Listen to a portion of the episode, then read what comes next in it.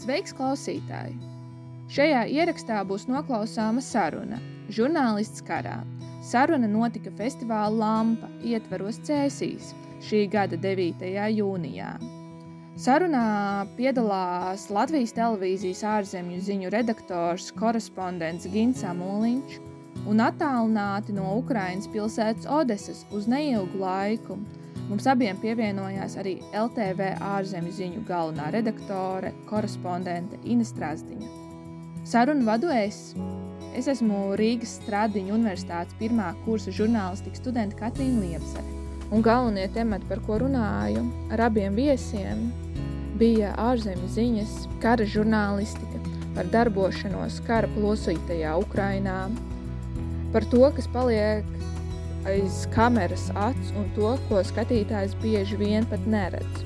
Un eh, kāpēc mēs nedrīkstam pierast pie tā, ka Ukrainā notiek karš, un kāpēc mēs nedrīkstam aizmirst, ka Ukraina, Ukraina ir jāturpina atcerēties, un Ukraina ir jāturpina atbalstīt.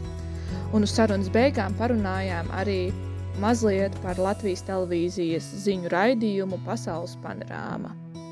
Un šie bija mazie pieturas punkti par ko es tev gribēju pastāstīt, pirms klausies ierakstu. Tā kā pašlaik es tev saku tā, bet tūlīt jau tu varēsi noklausīties sarunu, kas notika Cēsīs, žurnālists karā. Atā, laba klausīšanās! Tiekamies citos ierakstos! Labvakar visi, kas sanākuši uz sarunu žurnālists karā! Man blakus ir pievienojies Latvijas televīzijas ārzemju ziņu redaktors, žurnālists un korespondents Gins Amoliņš. Labdien, labvakar! Gins ir tikko burtiski atgriezies no Ukraiņas ziņošanas. Gint, vai tu varētu izstāstīt, kāda pašlaik ir situācija Ukrainā? Jā, es atgriezos pirms pāris dienām ar kolēģi Aigaru Kovaļevski. Strādājām Ukrainā, pat labi mana kolēģi Ina Strasdiņa ir devusies uz Ukrainu. Mēs Lietuvā samainījāmies pa ceļam. Uh, un uh, ziņos par jaunāko, kas tur notiek. Mēs paši vairāk uh, šoreiz uh, bijām Donbasā, uh, apmeklējām uh, gan, uh, gan, gan, gan uh, apdzīvotas vietas, uh, ciematus un pilsētas, kas ir bijušas uh, savulaik uh, tiešā, tieši uz frontes līnijas un ir uh, burtiski noslaucīts. Tiešām mēs bijām uz Bohorodičnas ciemu Donetskas apgabalā un uh, Tā laikam bija pirmā reize, kad es redzēju tik ļoti nopostītu ciemu. Tur tiešām nebija nevienas dzīves, mā, dzīves mājas, principā, jo Viņš, viņš atrodas ielā, viņš atrodas ielā, un abos kalnos vienā pusē bija krievi un otrā ukraiņas spēki. Un, un tā fronte staigāja diezgan šurpu turp pāri, bet tur ir jau pārdesmit cilvēki atgriezušies bez elektrības, gan bez ūdens akās, bet, bet cilvēki atgriežas un arī devāmies uz fronti. Eh, ar Ukraiņas karavīriem, kā viņi strādā ar artērijas sistēmām. Šis, šis sižets vēl nav parādīts. Tas būs vai nu šovakar, vai arī rīta panorāmā var, varēs redzēt. Un tā, protams, ir šīs gaidas Ukrainā šobrīd uz pretuzbrukumu, par ko jau nedēļām ir ticis runāts. Un, no Ukraiņas valdības puses ir šīs gaidas gan tā stiprinātas, gan arī pēc tam piebremzētas. Jo, nu, ir, protams, zināms risks, ka ja šīs gaidas ir ļoti liels no pretuzbrukuma, kas noteikti būs sarežģīts. Un diezin vai, kaut gan kas zina, bet diez vai atkārtosies pagājušās vasaras rudens notikumi, kad ļoti strauji izdevās atbrīvot gan Harkivu, gan Helsinas daļu apgabalu. Un, līdz ar to šīs gaidas ir pārlieku lielas. Un, Un, un ja cerētais, ko cilvēki cer, nepiepildās, tad varbūt arī diezgan liela vilšanās. Tādēļ ar to arī, protams, ļoti uzmanīgi ir Ukraiņas spēki. Taču pretuzbrukumam gatavojas, cik noprotams, pat Latvijas frontē ir paaugstināta aktivitāte jau. Protams, grūti pateikt, vai tas ir jau pats pretuzbrukums, vai arī tiek tikai iztaustīts frontes līnijas, lai atrastu uh, vājākos punktus, kā mums intervijā šodien arī teica Mihailo Podaļaks, Ukraiņas prezidenta administrācijā, nu, ka tiek taustīts Krievijas izbūvētās aizsardzības līnijas, kur varētu būt kāds vājais punkts, lai varētu to caursist. Vai, tā, vai tas būtu austrumos, vai tas būtu pie Zaporižas, Nu, to mēs redzēsim. Katrā ziņā Podaļoks mums teica, ka, ka tad, kad pretuzbrukums sāksies, tad tas tiešām arī būs redzams. Nu, Ukrainā situācija, kā vienmēr, ļoti dažāda un reizēm mierīga, reizēm netik mierīga. Uh, bet tu esi ārzemju ziņu žurnālists. Kā tu nonāci, ka izvēlējies tieši strādāt uz ārzemju ziņām, jo tu jau esi pietiekoši ilgus gadus šajā jomā, kā ārzemju ziņu žurnālistikā? Jā, es, um, es savulaik universitātē studēju starptautiskās attiecības. Un, uh, un, uh, man doma par žurnālistiku, ja godīgi, tā īstenībā nebija. Bet tā sanāca, ka es uh, uh, sanācu pastrādāt Latvijas radio vēl toreiz uh, vasarā mazliet. Tur pāris mēnešus, un tad es atkal devos savā gaitā. Un, un pēc tam es atgriezos Latvijas radio.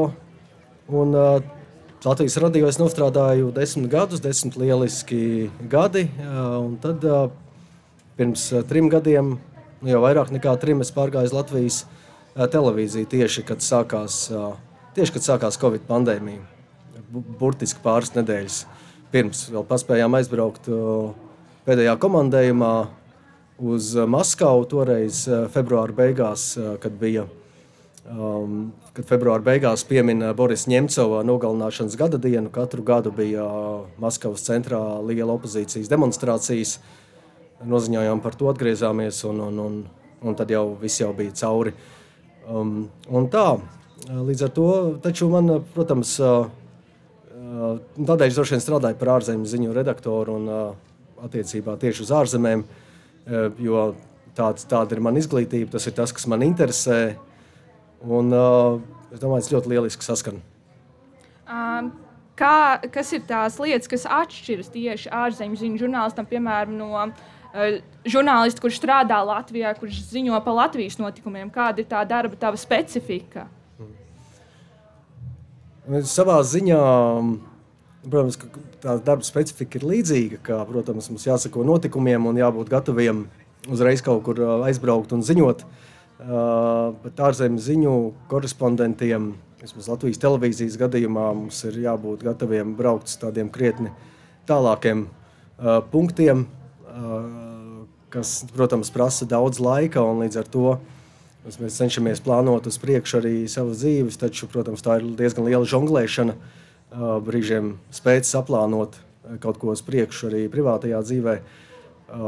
Nu, piemēram, kā tagad, kad mēs jau šonadēļ pirms divām dienām bijām vēl Ukrainā un notika Helsonas dambja no Kahovkas dambja uzspridzināšana.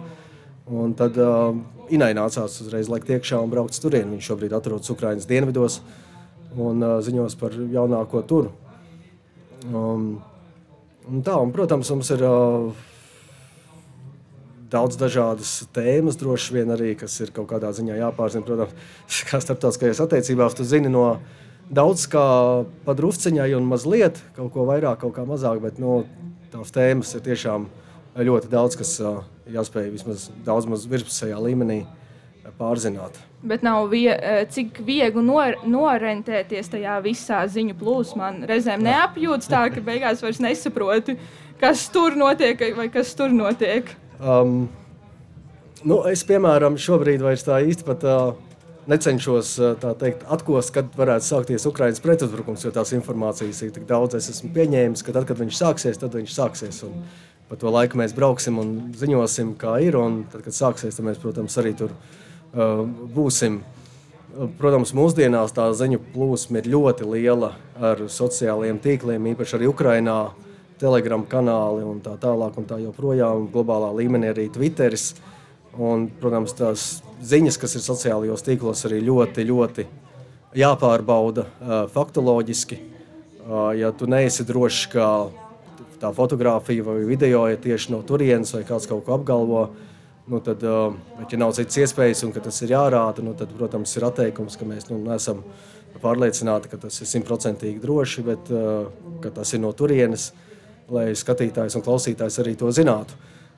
Piemēram, pagājušā gada martā un februārī, tad, kad tikko bija sācies pilnapmēra Krievijas iebrukums, mēs bijām Ukrainā.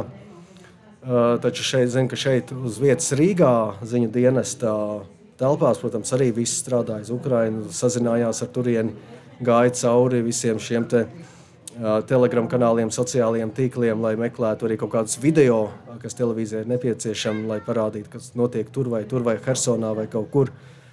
Mums bija viens cilvēks, kas rūpīgi gāja cauri šiem video, izmantojot arī teiksim, Google Maps un Street View. Ja ir pateikts, ka tas video lūk, ir no Helsinas, tad cilvēks skatās, aha, ka tas varētu būt tur. Un tad iet Google mapos un Street View un skatās, vai tiešām tā vieta atrodas Helsonā, vai tiešām tas ir Helsons centrālais laukums. Jo, nu, tagad droši vien, ka visi zina, vai daudzi zina, kā izskatās, kur Ukraiņas pilsēta jau kā izskatās Helsona. Taču, protams, tajā Visi brīdī, iepazinuši. jā, bet tajā brīdī, protams, tā nebija. Un es zinu, ka tas cilvēks jau man jokoja, tagad, ka viņš jau bija at, sācis jau atpazīt, ka, lūk, ja tur ir redzams tāds bruģītis, bruģīša raksts, tad nu, tas ir Helsonas laukums. Ja tas ir tas, tas bruģītis, tad ja ierauga bruģīti, bet saka, ka tā ir Helsona. Viņi jau zina, ka nē, tā nav Helsona, jo tur bruģītis ir citāds. Un tā. un tāds lūk, visādas sīkas nianses. Un, Un, uh, un tas, tā, tas ir bijis izaicinājums, protams, daudziem medijiem. Tas saucamais fact-checking šajā, uh, īpaši šajā karā, saprast, kas, kas ir kā un kur un ko. Tava darba ēnas puses vislielākās. Uh, darbs, uh, nu, vismaz manā gadījumā, es jau teicu, ka tā ir liela žonglēšana starp uh, pašu dzīvi un darba dzīvi. Diezgan daudz saplūst, bet nu, tā viņš ir. Tāds ir darbs un, uh, un tā mēs viņu darām. Um, un tā grūti pateikt, tādas ēnas puses ļoti lielas. Tas ir mūsu darbs, mēs viņu ar prieku darām. Protams, kā pie visiem darbiem mēdz iestāties kaut kāds pagurums vai nogurums. Nu, tad pēc kāda laiciņa tas pāriet, tas posms, un mēs turpinām strādāt. Nu, es domāju, tas kaut kāds varbūt ir lielākais izaicinājums. Un, un, protams, arī ritms bieži ir tāds, ka, nu, ka tas ritms ir ļoti ātrs, ziņas mainās strauji un ir jāspēj pielāgoties. Un, un jau nāk panorāmas laiks, un kaut kas jau tur pamainās. Un, un tev fiks, fiks jāatrod, vai tiešām tā ir vai nav, un kā to pateikt, un tam līdzīgi. Un, um, Jo viens, protams, ir tas, ka pēc iespējas ātrāk noziņot par to, kas kaut kur ir noticis, tajā pašā laikā tomēr pēc iespējas pārbaudot, vai tā informācija ir uh, uzticama un patiesa. Protams, Ukrainā droši vien var teikt, ka kaut kāda ēnas puse ir drošība, taču nu, mēs esam pie tā pieraduši. Tas ir uh, mūsu darbs. Um, teiksim, pie frontes pašas, protams, mēs uzvelkam bruņu vestes un uh, bruņu ķiveres un, un kaut kur aptieciņu par rokai turam. Un mēs esam arī tikuši, bijuši arī kursi, mēs esam apmācīti arī iepriekšējos gados, kā strādāt konfliktu zonās un kara zonās un kā tur, uh, ko darīt, ja tur kaut kas, ja, tie, ja norauj roku vai kāju vai tam līdzīgi, kā rīkoties. Un gadījumā ir aptieciņa, gadījumā, ja nav. Um, tā, bet, uh, protams, arī tajā pašā Kijavā, kas ir nosacīti um, 600 km, Kijava atrodas no Donbasa frontes. Un cilvēki Kijavā, protams, atgriezās uh, ļoti strauji tur. Uh, pēc tam, kad atbrīvoja Kijavas apgabalu pagājušā gada aprīlī, mēs bijām vēl martā. Kijava bija izslaucīta, tukša, pilnīgi tukša pilsēta. Protams, kaut kādas mašīnas un tā bija, bet nu, tiešām tūkstošaini tā varētu raksturot. Un jau Tad mēs aizbraucām pagājušajā gadā uz Lieldienām, un pilsēta jau atkal bija jau pilna ar cilvēkiem. Un tulpes ziedēja Maidanā, un viss notika. Un cilvēki ātri pierod pie kara droši vien. Un, un šobrīd arī Kijavā šķiet, tas ir tik tālu kaut kur. Tieši tā pati fronte. No otras puses, Kijava, protams, tagad maijā bija intensīvi apšaudīta ar raķetēm un ar droniem. Gan drīz vai katru otro nakti droši vien caurmērā. Un darbojas pretgaisa aizsardzības sistēmas, kas būtībā visas šīs raķetes un dronus notriec. Taču, protams, ir atlūzas un arī bija bojā gājušie vēl pirms pagājušajā nedēļā. Un, un, un, protams, arī tur ir bīstamība. Un tas rada man šķiet iedzīvotājos, īpaši Kijavā, ļoti lielu psiholoģisko nogurumu. Kaut vai tā fronte nav viņiem blakus, bet tās raķetes lido un kaut vai Viņas pārsvarā tiek notriektas. Tomēr nu, ir daudz cilvēku, kas mēģina iet nu, uz patvērtnēm. Viņi, viņiem ir uz telefoniem aplikācijas, kas sāk gaudot, ja ir gaisa trauksme. Parasti tas notiek naktīs, arī 4 no rīta, 5 no rīta. Un, un ja tas notiek katru dienu, kā pēdējo mēnesi, tas, tas ir ļoti liels. Es domāju, tas nosēžas, ir nogurums, ir neizgulēšanās un tāda nepārāk laba sajūta sabiedrībā kopumā. Jo no vienas puses pilsēta ir dzīva, viņa dzīvo, bet no otras puses ir šķiet šis psiholoģiskais tiešām pagurums no tā visa. Mēs atkal vienu cilvēku pārdevēju, kas strādā, parunājām ar viņu tur pie Maidana. Viņa teica, ka viņi iet parasti cenšas iet gulēt kaut kādos 8, 9 vakarā, lai viņi jau 4 varētu būt pamodusies. Un, gadījumā, ja ir atkal raķešu uzlidojumi, tad viņi jau ir augšā un viņi ir izgulējusies. Jo tā arī mēdz būt problēma. Un, protams, patvērtnes.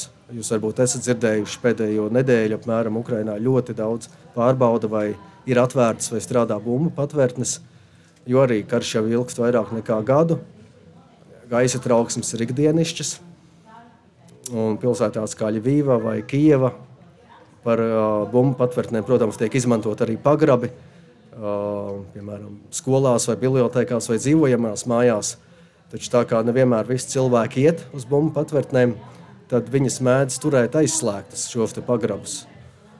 Piemēram, tas skolā. nav droši. Tas nav droši, bet no otras puses, tad, protams, ir atkal, ja tas visu laiku tiek turēts vaļā, šīs tēkas, kas pie mums telpas, kas nu, pie, pie, pie mums Latvijā, viņas parasti ir cieti.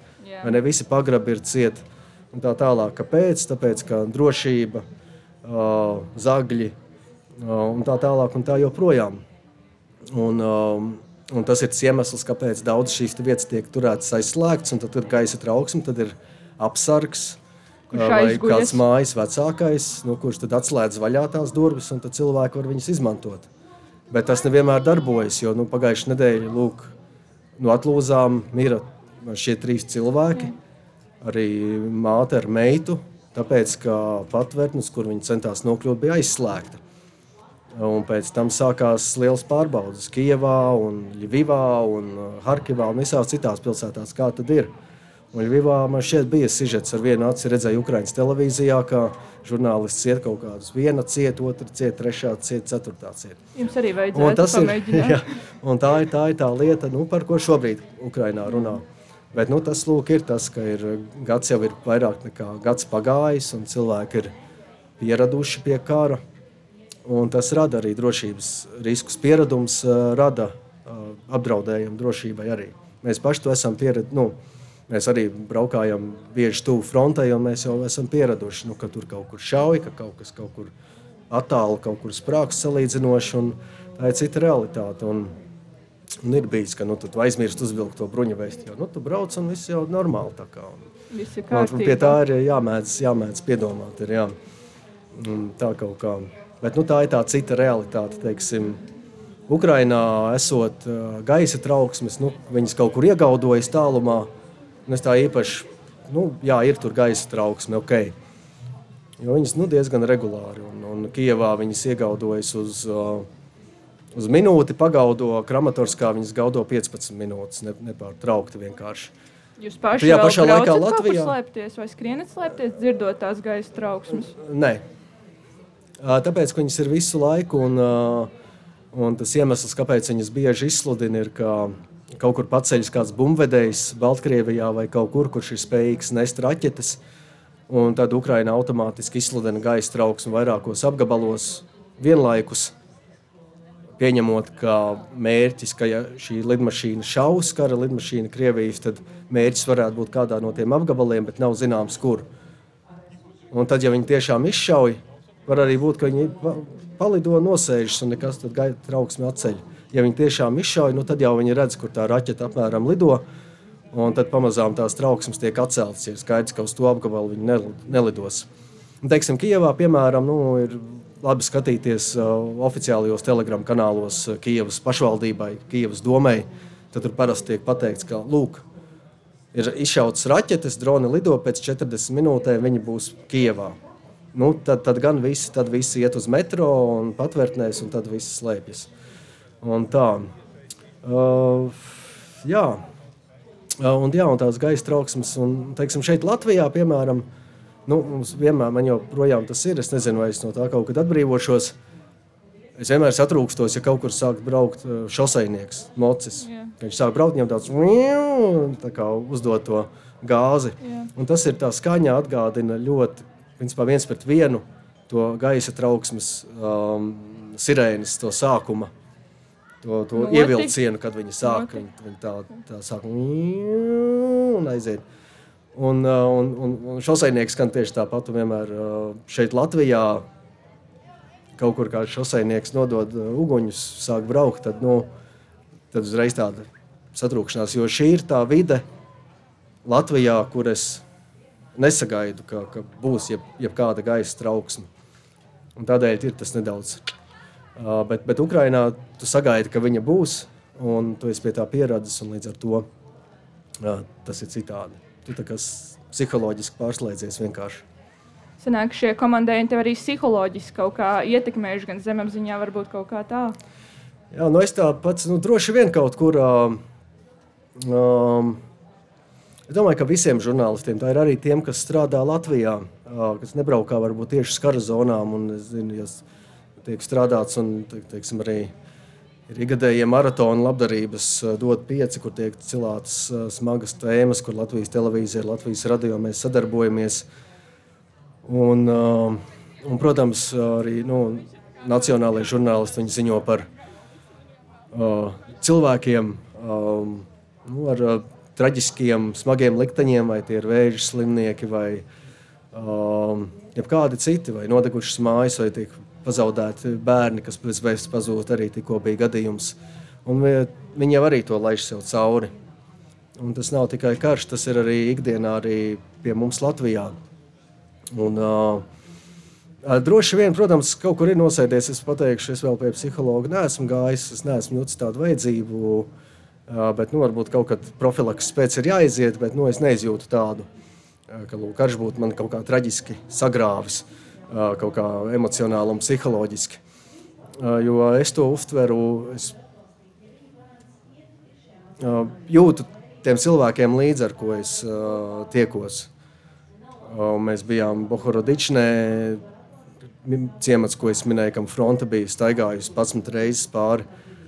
Un mēs aizgājām pie, mēs satikām cilvēkus, kas esot bijuši vienīgie, kas nodzīvoja tajā ciematā, kur bija 800 iedzīvotāji nepilni pirms kara. Uh, Viņi vienīgie nodzīvoja to visu to, to kara gaitu un Krievijas okupāciju, kas beigās arī bija kā 2-3 mēneši.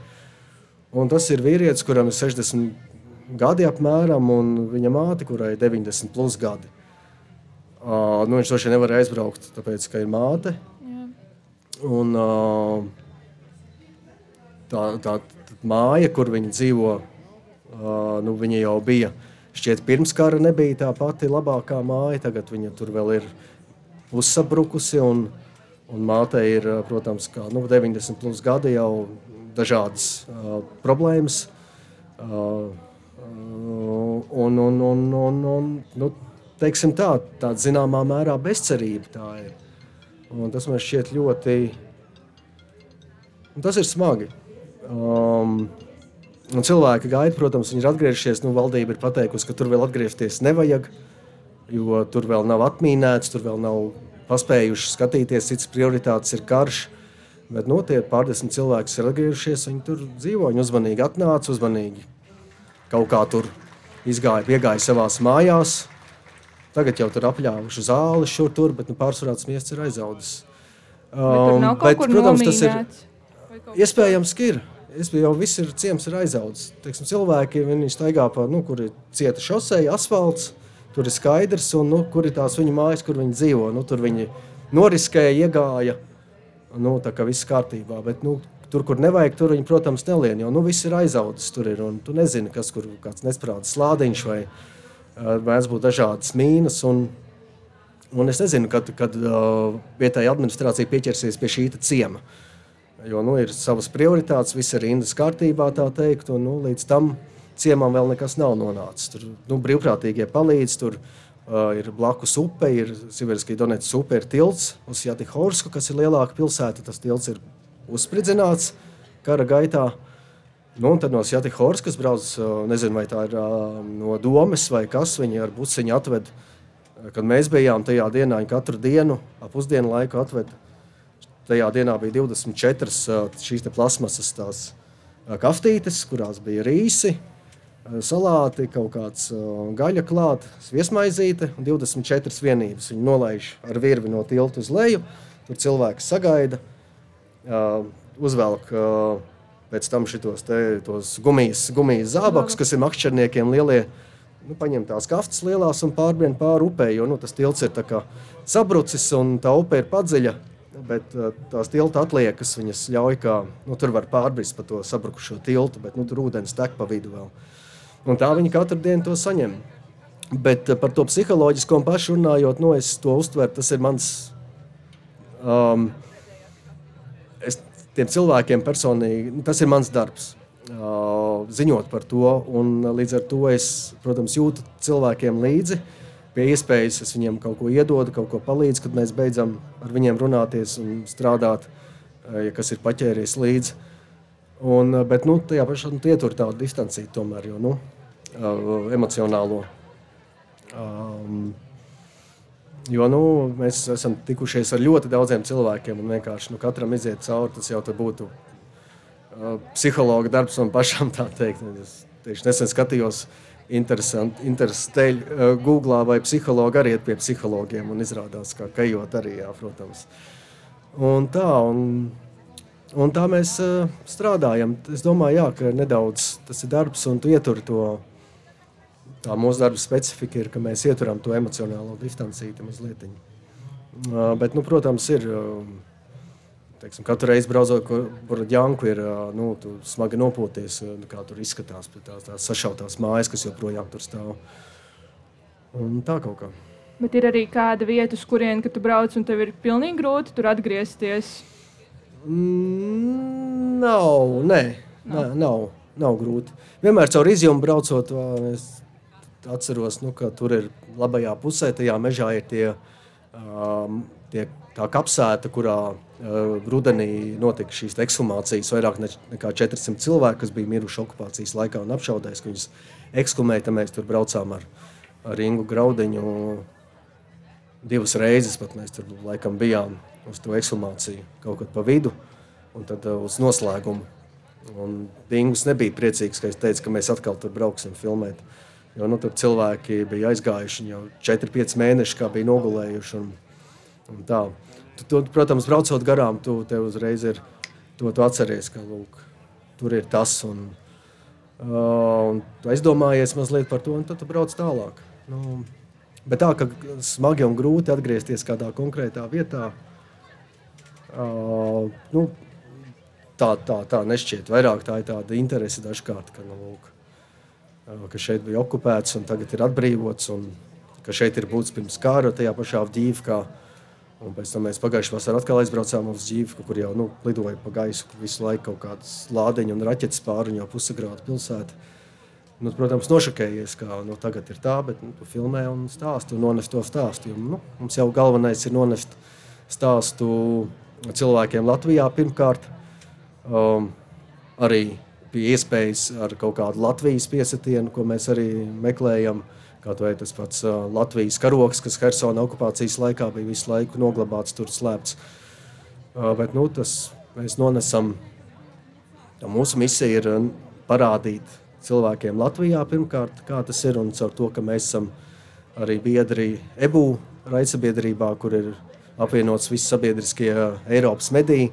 Mēs ar šiem materiāliem dalāmies arī ar citiem medijiem, tostarp vai BBC vai no visām Eiropas valstīm, nu, kas var izmantot šos materiālus arī savā pārraidēs. Un, um, tas tiek aktīvi arī, protams, izmantots. Līdz ar to tas ir gan Latvijai, gan Eiropai un plašākai pasaulē, pie kā uh, nonāk mūsu darbs. Cik viegli ir nodot tam skatītājam to savu domu, caur, tā, caur to sižetu, caur to stāstu. Jo sabiedrība jau tagad ir pieradusi pie šī jā. kara, nogurusi, pieradusi. Jā, bet tā, jā, Latvijā man godīgi grūti pateikt. Man šķiet, ka tā interese, protams, Šeit joprojām ir ļoti liela cilvēkiem par to, kas notiek Ukrajinā. Protams, ir gads un četri mēneši kopš pilnapmēra iebrukuma. Un, uh, tas, kas, uh, tā interese, kas bija sakāpināta, protams, nu, bija cauri grieztiem vienkārši februārī, martā un aprīlī. Pat, nu, uh, ļoti liela, bet nu, zinu, ka jau maijā, protams, tas jau sāk arī atbalsta ziedojumu līmeņi, sāka jau noplakt biķu uh, pagājušā gada maijā. Un, uh, bet, nu, es domāju, ka ieņēma tādu normālo uh, līmeni. Um, pie katra stāsta mēs, protams, piedomājam īpaši tagad. Um, teiksim, kad karš tikko sākās, protams, mēs ziņojām, tur dragājām, tā teikt, un, un sūtījām visu pēc kārtas un, un, un visu rādījām. Un tagad, protams, arī to var darīt, taču varbūt skatītāji man iebildīs. Es nezinu, bet droši vien nu, tu nevari katru dienu.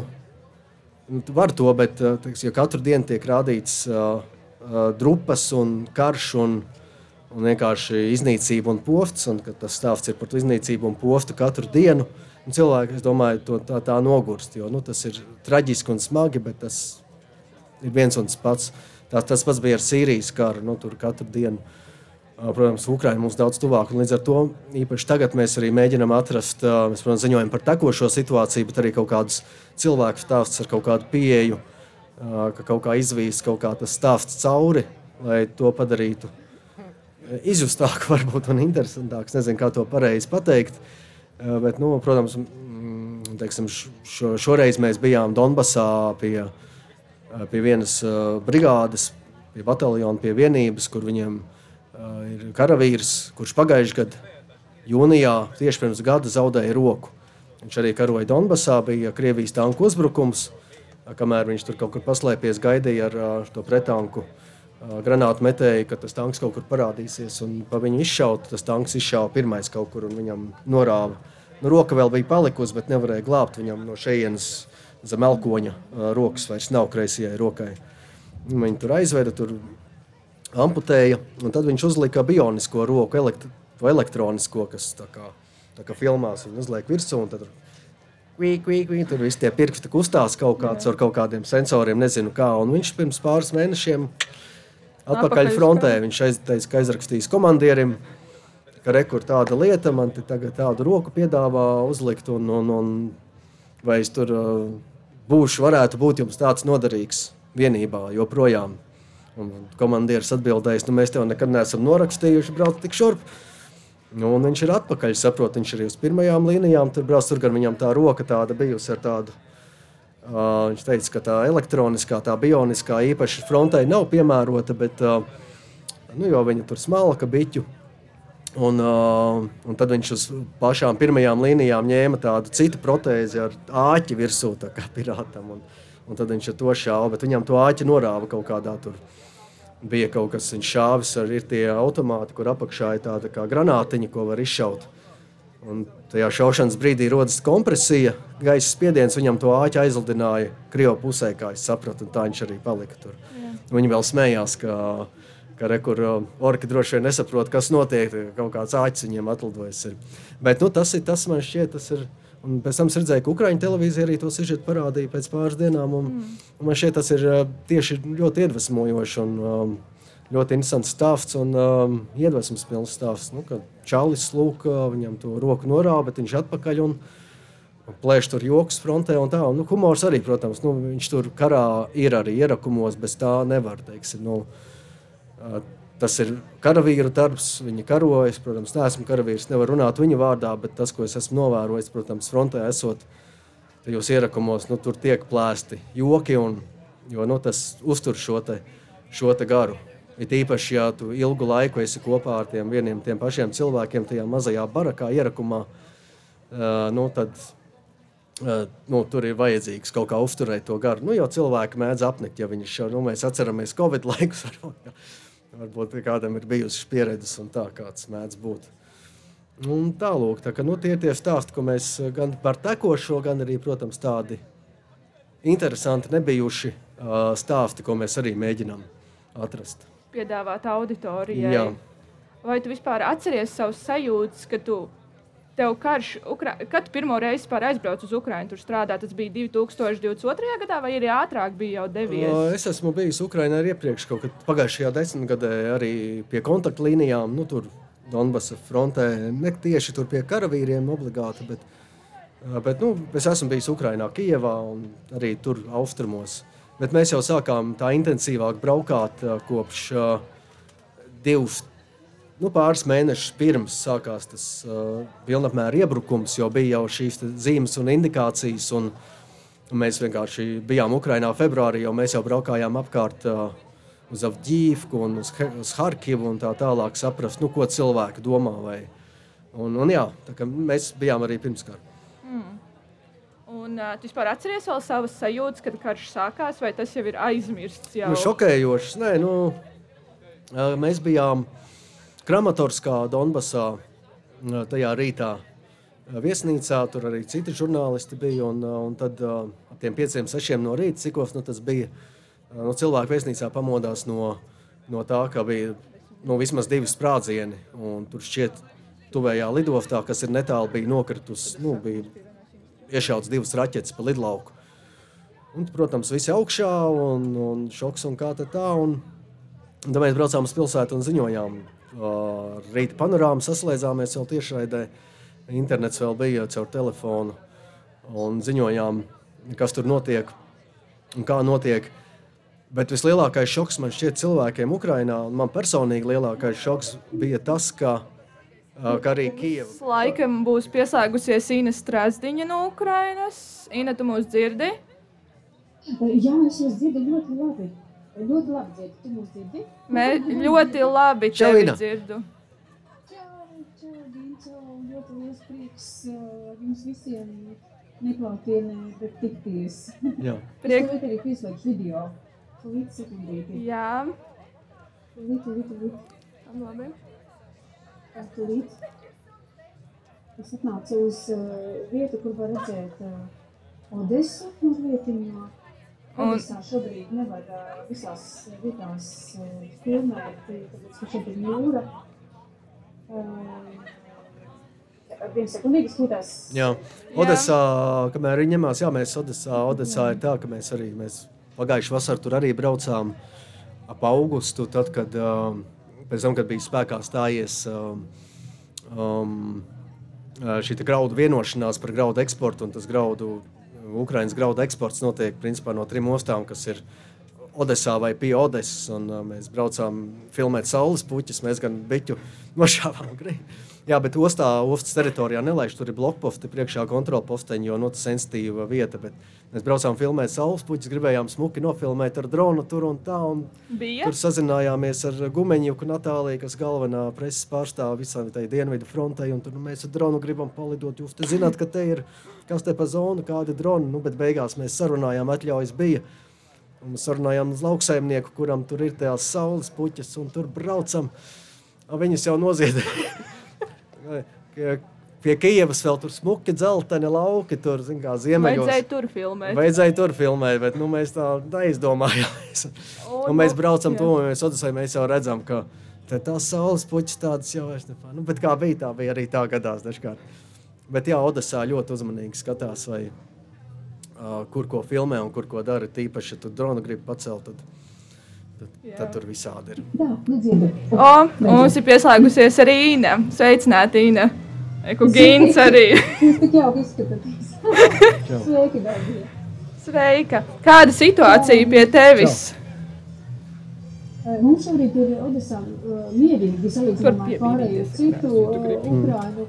Man nu pat bija intervija ar Odesas vicemēru par situāciju, kas saistās arī ar dāmbja tātad sagrūšanu ekonomikas gabalā, jo Odesa šobrīd jūrmala saņem pateikt, ieplūst jūrmalā gan atkritumi, gan mītnes, kas ir izspilgts no citām teritorijām.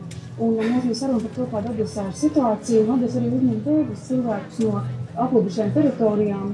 Un, un, un, un tādā veidā arī cenšas palīdzēt. Nu, tā, tāda bija mūsu saruna, un tagad ir maz brīdīs līdz tiešraidēji. Redz, cik jauki. Parunāties. Um, pirmais, ko es tev varētu uzdot, kā tu nonāci līdz ārzemju ziņu žurnālistikai? Tas bija tavs kā, sapnis, vai kā tu tik, nu, kā izdomāji, ka tu būsi ārzemju ziņu žurnāliste? Um, tas vispār notika ļoti nejauši, ka ļoti daudz lietas dzīvē. Es ļoti ātri sāku salīdzinoši ātri domāt par to, ka varbūt vajadzēja dzīvē nedarīt valodas.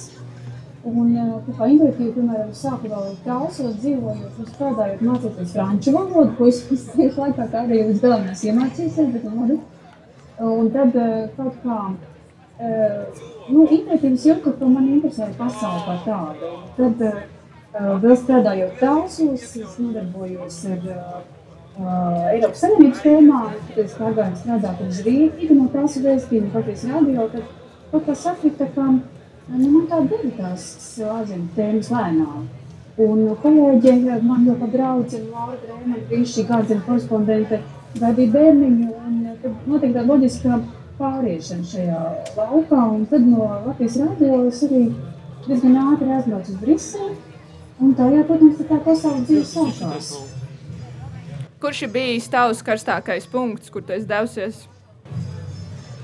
Uh, nu, tādi, karst, protams, Ukraina karstākais ir tajā ziņā, ka tā mums ļoti tuvu. Gan geogrāfiski, gan emocionāli, visādā ziņā arī mums drošība ir ārkārtīgi svarīga. Ir bijuši arī, es esmu Afganistānā, Sīrijā, nu, tie tādi salīdzinoši tādi nieknākie varbūt brīži ir bijuši.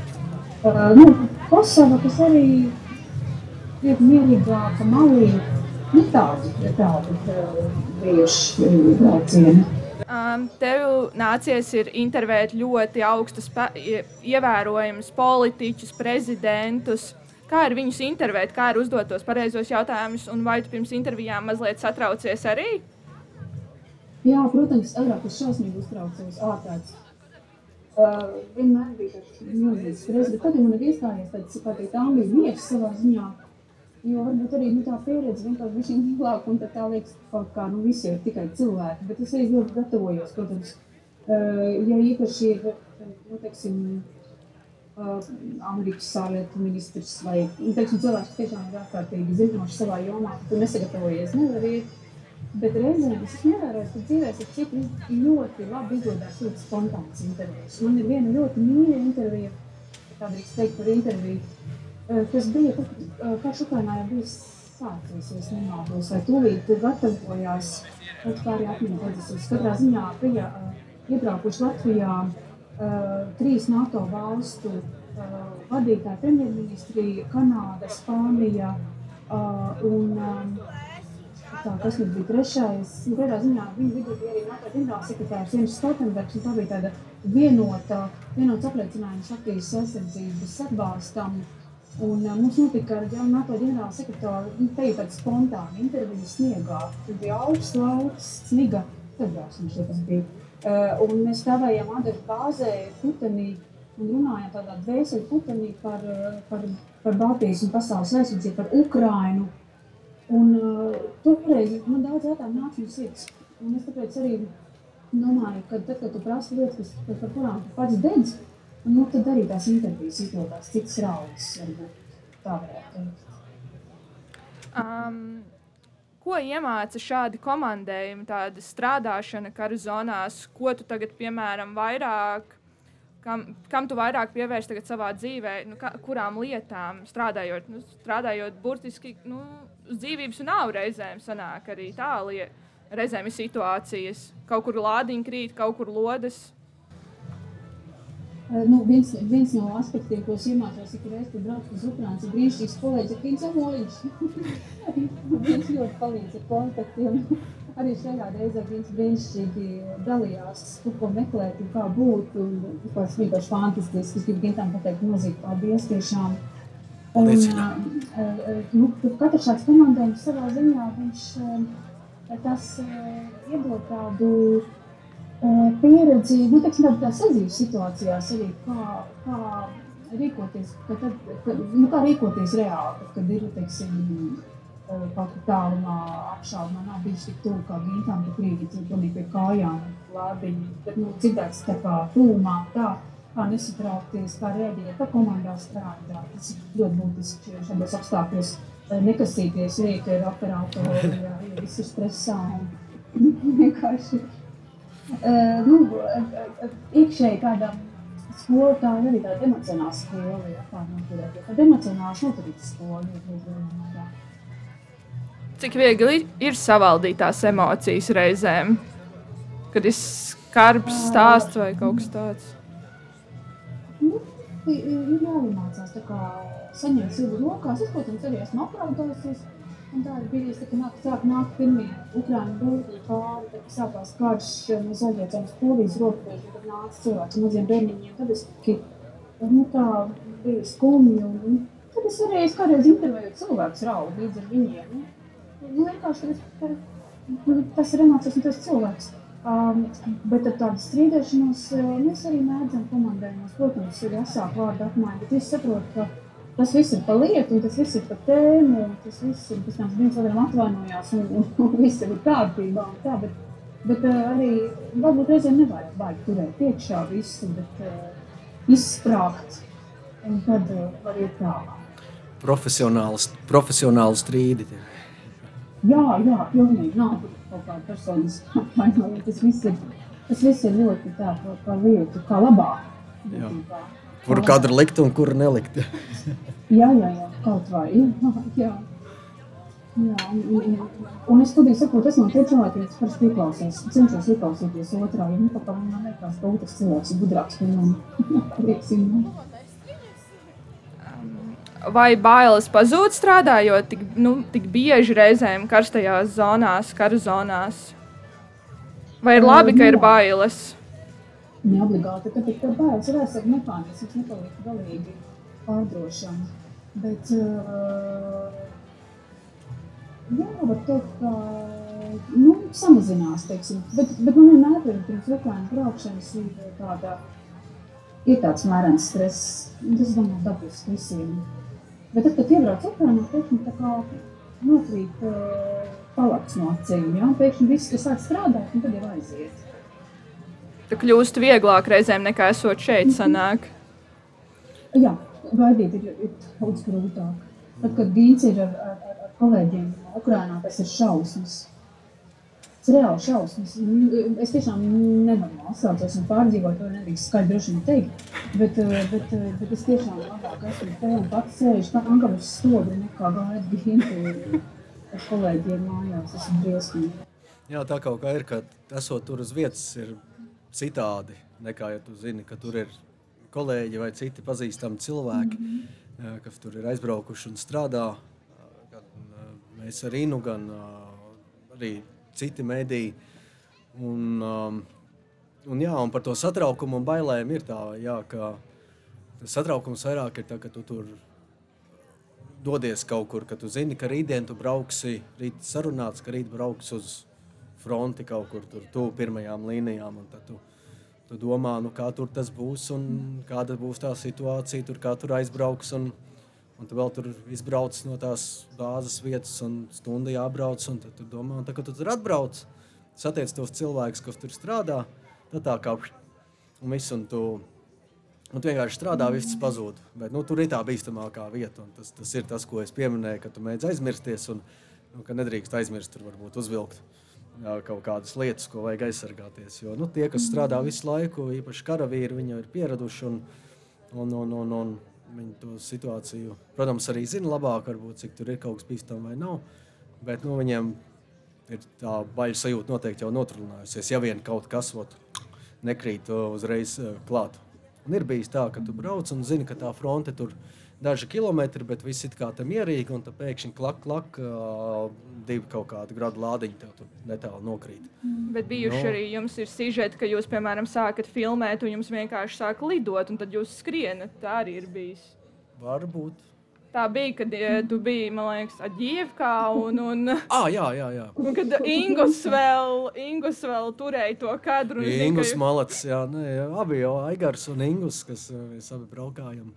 Viņi abi braukā uz uh, Ukrajinu. Nu, tas kadra noturēšana, protams, es jau tur varu skraidīt kaut kur ar mikrofonu un tur raustīties, cik es gribu, bet viņām, protams, ir svarīgi uh, profesionāli noturēt to kadru. Un gods godam viņi ir turējuši. Un pie Lisičāns, kā mēs esam bijuši pagājušā vasarā arī ar Ingu. Un, un tur arī bija, ka tur, tur jau tur vēl mašīna kūp, un tur cilvēks ir kaut kur netālu apklāts ar baltu drānu jau, un tu zini, ka tur aktīvi apšauda. Un, filmē, un pēkšņi tur kā lido, un tad nu, viņš to kadru notur. Un, un, un, un, un, un ir bijis arī, kad es tur kaut kas tur blakus nokrīt, un es saku, un Ingus jau skrien uz to pusi, jau tur filmē, tur, kur tā vieta, kur nokrita, un tā, un es viņam bļauju, ka ne, šito te mašīnas pusi nāc tur, nu, otrā pusē paslēpties pie riteņiem, un, un tad neapmierināts tur atskrien un paslēpjās, un tad brauc prom pēc tam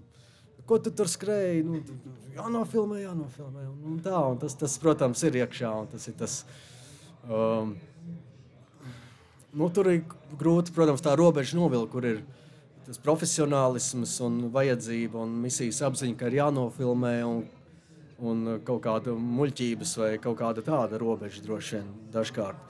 Bet nu, tas ir mūsu darbs, tur būt un to nofilmēt. Un, uh, Un, nu, tas ir tas risks, uz ko mēs parakstamies. Esot mēs un daudzi, daudzi simtiem citu žurnālistu, kas arī strādā Ukrajinā. Sirsnīgs man ir jāieplāno garā. Labi. Es esmu bēdīgi, man vienkārši nākus uz šādi. Viss kārtībā. Viss Panorāmā, jā? kārtībā. Viss saprotams. Labi, labi. Paldies, tev, Inka, ka uz mazu brīdiņu vismaz mums pievienojies. Bija prieks arī Paldies, tev redzēt. Sargi sevi. Esat drošībā abi divi. Paldies, man sirds un pateikt, paldies, ko tu dari. Es gribu pateikt visai tavai komandai milzīgi. Paldies, jo tādi fani. Es viņus tad kā hokejā. Mums ir pasaules panorāmā foršākie fani pasaulē. Tiešām paldies, man sirds. Un paldies Gintam. Paldies, Viņš Inai. ir vienkārši. Zelts, Nav, nav Bron, bronza. bronza. Paldies, tiešām. Paldies tev. Tā. Čau. Tā. Čau, čau. Tā. Inu arī mazliet vismaz aprunājāmies. Jā, forši redzēt Inu. Uh, jā, Ina tagad Odesā un, un tālāk jau viņa viņam dosies uz Helsonas pusi un, un tām visām vietām, kur, Tur, kur mēs- viss ir aplūdis. kur ir aplūdes un kur vēl um, nu, tā situācija tur ir, protams, drausmīga. Jā, Smaga. ir aplūdes un ir um, tās aplūdušās mājas, un evakuācijas vēl notiek, un apšaudas kaut kur vēl pa vidu. Un, um, nu, tā kaut kā. Tur ir šausmīgi vienkārši apstākļi. Um, vai to, ko tu piedzīvo Ukrajinā, reizēm nav grūti izdzēst no savas atmiņas? vienkārši Tā? Vai tu vēl to pārdzīvo, vai analizē to, ko tu esi piedzīvojis, tos notikumus? Kaut ar, uh, ar retiem izņēmumiem uh, droši vien uh, ir atsevišķi, bet uh, tas pāriet. Uh, man ir personīgi man ir tā, es zinu, ka arī citiem žurnālistiem tā mēdz būt, kad braucot no Ukrainas vēl kaut kādas. Šobrīd vēl tā nav bijis, neskapēc, bet uh, tu atbrauc uz Latviju pēc tam divām, trijām nedēļām tur un, un vēl kaut kādas dažas dienas tu esi tajā Ukrainas kaut kādā sajūtā. Proti, es nezinu, tur pamosties naktas vidū un uh, nesaprast, kur tu esi. Tu tā kā tādā pusmiegā domā, kur es tagad esmu. Tā ir Kramatorska vai Kijava vai kas. Un tad tu tā kā paver aizkarus, paskaties, ka viss ir gaišs apkārt naktas vidū. Domā, kāpēc gaišs apkārt naktas vidū, ko tu viss saslēdz, jo nu, Ukrainā viss parasti ir tumšs. Un tad, kad saproti, es nezinu, saprotu vai nē, bet nu aiziet atpakaļ gulēt no rīta pamodies, ka, ka tu esi Latvijā vai nē. Esi. Un ir tāds, vismaz man personīgi, mēdz būt tās divas, trīs, četras dienas. Ir tāds atliciens, kamēr tu atkal tev pielec, ka tu esi Latvijā. Nu, tas tā, tajos pusnomoda brīžos, pusapziņas kaut kādos. Bet tā citādi īpaši nē, nu, tu, tie stāvti arī viņi komandējums viens pēc otra un stāvta viens pēc otra. Viņi mēdz aizmirst. Nu, tu jau liec nākamo bildi iekšā visu laiku. Bet, nu, protams, atceries tos cilvēkus. Varbūt atceries kaut kad, nu, kā būtu bijis, ja būtu bijis, ja tu tur kaut kur tur būtu braukuši vai gājuši, vai kā nebūtu bijis. Bet nu, tās tādas vairāk uh, loģistiskas lietas. Un, nu, ka varbūt nu, ir bijušas reizes, kad es pieņemu lēmumu, vai mēs pieņemam lēmumu, ka nu, varētu iet kaut kur tur, bet mēs tomēr tur neejam, jo nu, tas šķiet tomēr vairs. Nu, tas potenciālais labums no tā, tas, tas mērķis, ko mēs varēsim nofilmēt, varbūt neataisno tos riskus, kas tur varētu būt. Bet, nu, tas ir vienmēr, protams, domas un iedomas, un tā tu jau nezini. Mēs jau tāpat arī braucam uz kaut kādām vietām, kur tāpatās kaut kas var būt. Un, tā ir laimes uh, spēle. Jā, nu arī jā, kaut kādā laikā. Nu, mēs, protams, ņemot vērā to, to ietvaru, to situāciju, kur mēs mēdzam braukt, nu, nu, mēs ņemam vērā kaut kādas lietas, nu, lai pēc iespējas nu, nodrošinātos, lai viss būtu ok. Nu, nu, pats par sevi, protams, tās bruņu vestes un, un ķiveres un, un tam līdzīgi. Bet nu, tas jau nepaglābj simtprocentīgi nekad no tā, ja tev tieši uz galvas kaut, nu, kaut kur uznokrīt blakus. Un, un, un tas ir tas, nu, pēc iespējas mēģini minimizēt riskus, bet nu, kā, kā gadās, tā gadās. Nu, teiksim, lielie starptautiskie mediji, nu, tur ir vispār vēl cits līmenis. Ir, uh, tur, ir, tur ir divas mašīnas, pat, un viņām jābūt bruņotām tām mašīnām ar bruņu stikliem. Un tikai tādās tur viņas tur kaut kur ved žurnālistu, uh, nu, lai vēl vairāk to veicinātu, to drošības apstākļus. Jā. Bet, nu, tur, tas, protams, ir cits finansējums, cits apjoms, cits vēriens. Un, un tas Bet, ja ir saprotams. Es satiku CNN žurnālistu, mm. tagad arī uh, Ukrainā. Viņš teica, ka tad, kad bija uh, CNN tas nu, pats pīķis viņu klātbūtnē Ukrajinā, kas droši vien bija kaut kad pagājušajā gadā. Viņiem bija 120 cilvēki, kas strādāja uz vietas Ukrajinā vienlaikus. No nu, dažādās frontēs, dažādās vietās, bet nu, tie bija 120 cilvēki. Tas bija tas viņu pīķis tajā brīdī. Un es nezinu, ka nu, tas noteikti ir žurnālisti, tie noteikti ir operatori, tie noteikti ir producenti, kas braukā līdzi uh, drošības kaut kāds cilvēks. Uh, vienmēr viņiem ir kas droši nu, apsargs, slīps vītra padomnieks, kurš pieņem, kura viedoklī arī ieklausās teiksim, nu, viņu. Tā kā mums Rīgā Latvijas televīzijā Zaķu sala ir mūsu galvenais birojs, tāpat arī droši, nu, šo drošības ekspertu viedoklī ieklausās nezinu, Londona, pieņemot lēmumu, vai žurnālists vai tā komanda brauks vai nebrauks to kaut kādu frontes zonu. Un nu, šoferi droši vien. Nu, mēs parasti divi tā braucam es un operators mēs paši stūrējam. Bet nu, lūk, tur ir tas vēl. Bet, nu, tur arī tā pēc iespējas risku minimizēšana, jo, kā man saka, uh, no šeit Rīgā atvadoties producenti, kad gaidām atpakaļ, vainagam nemetīšos. Un, um, nu, ka nav jēgas no, būtībā nav jēgas no, nu, brutāli sakot, nav jēgas no miruša korespondenta. Un tā tas ir. Nu, mūsu mērķis nav tur braukt tur nomirt kaut kur pie frontes. Mūsu mērķis ir braukt, noziņot un atbraukt atpakaļ, un, un lai atkal to visu laiku varētu ziņot. Nu, līdz ar to nu, riski vienmēr ir, taču mēs viņus cenšamies teikt, menedžēt, cik tas ir mūsu iespēju robežās. Um, ir jau arī Ukraiņā aizgājuši bojā. Man liekas, Jā, to nekad daudzi. nevar zināt. Vislielākais šoks man bija, kas mani nošokēja, nu, ir bijuši uh, Kopumā Ukrainā vispār gājuši bojā vairāk nekā 60 žurnālisti, bet tas ir ieskaitot tos, kas aizgāja, kas ir pēc profesijas žurnālisti, bet viņi iestājās bruņotajos spēkos un viņi arī karoja frontē. Tā tīri, kā žurnālisti pildot savus profesionālos pienākumus, nezinu, vairāk nekā desmit laikam.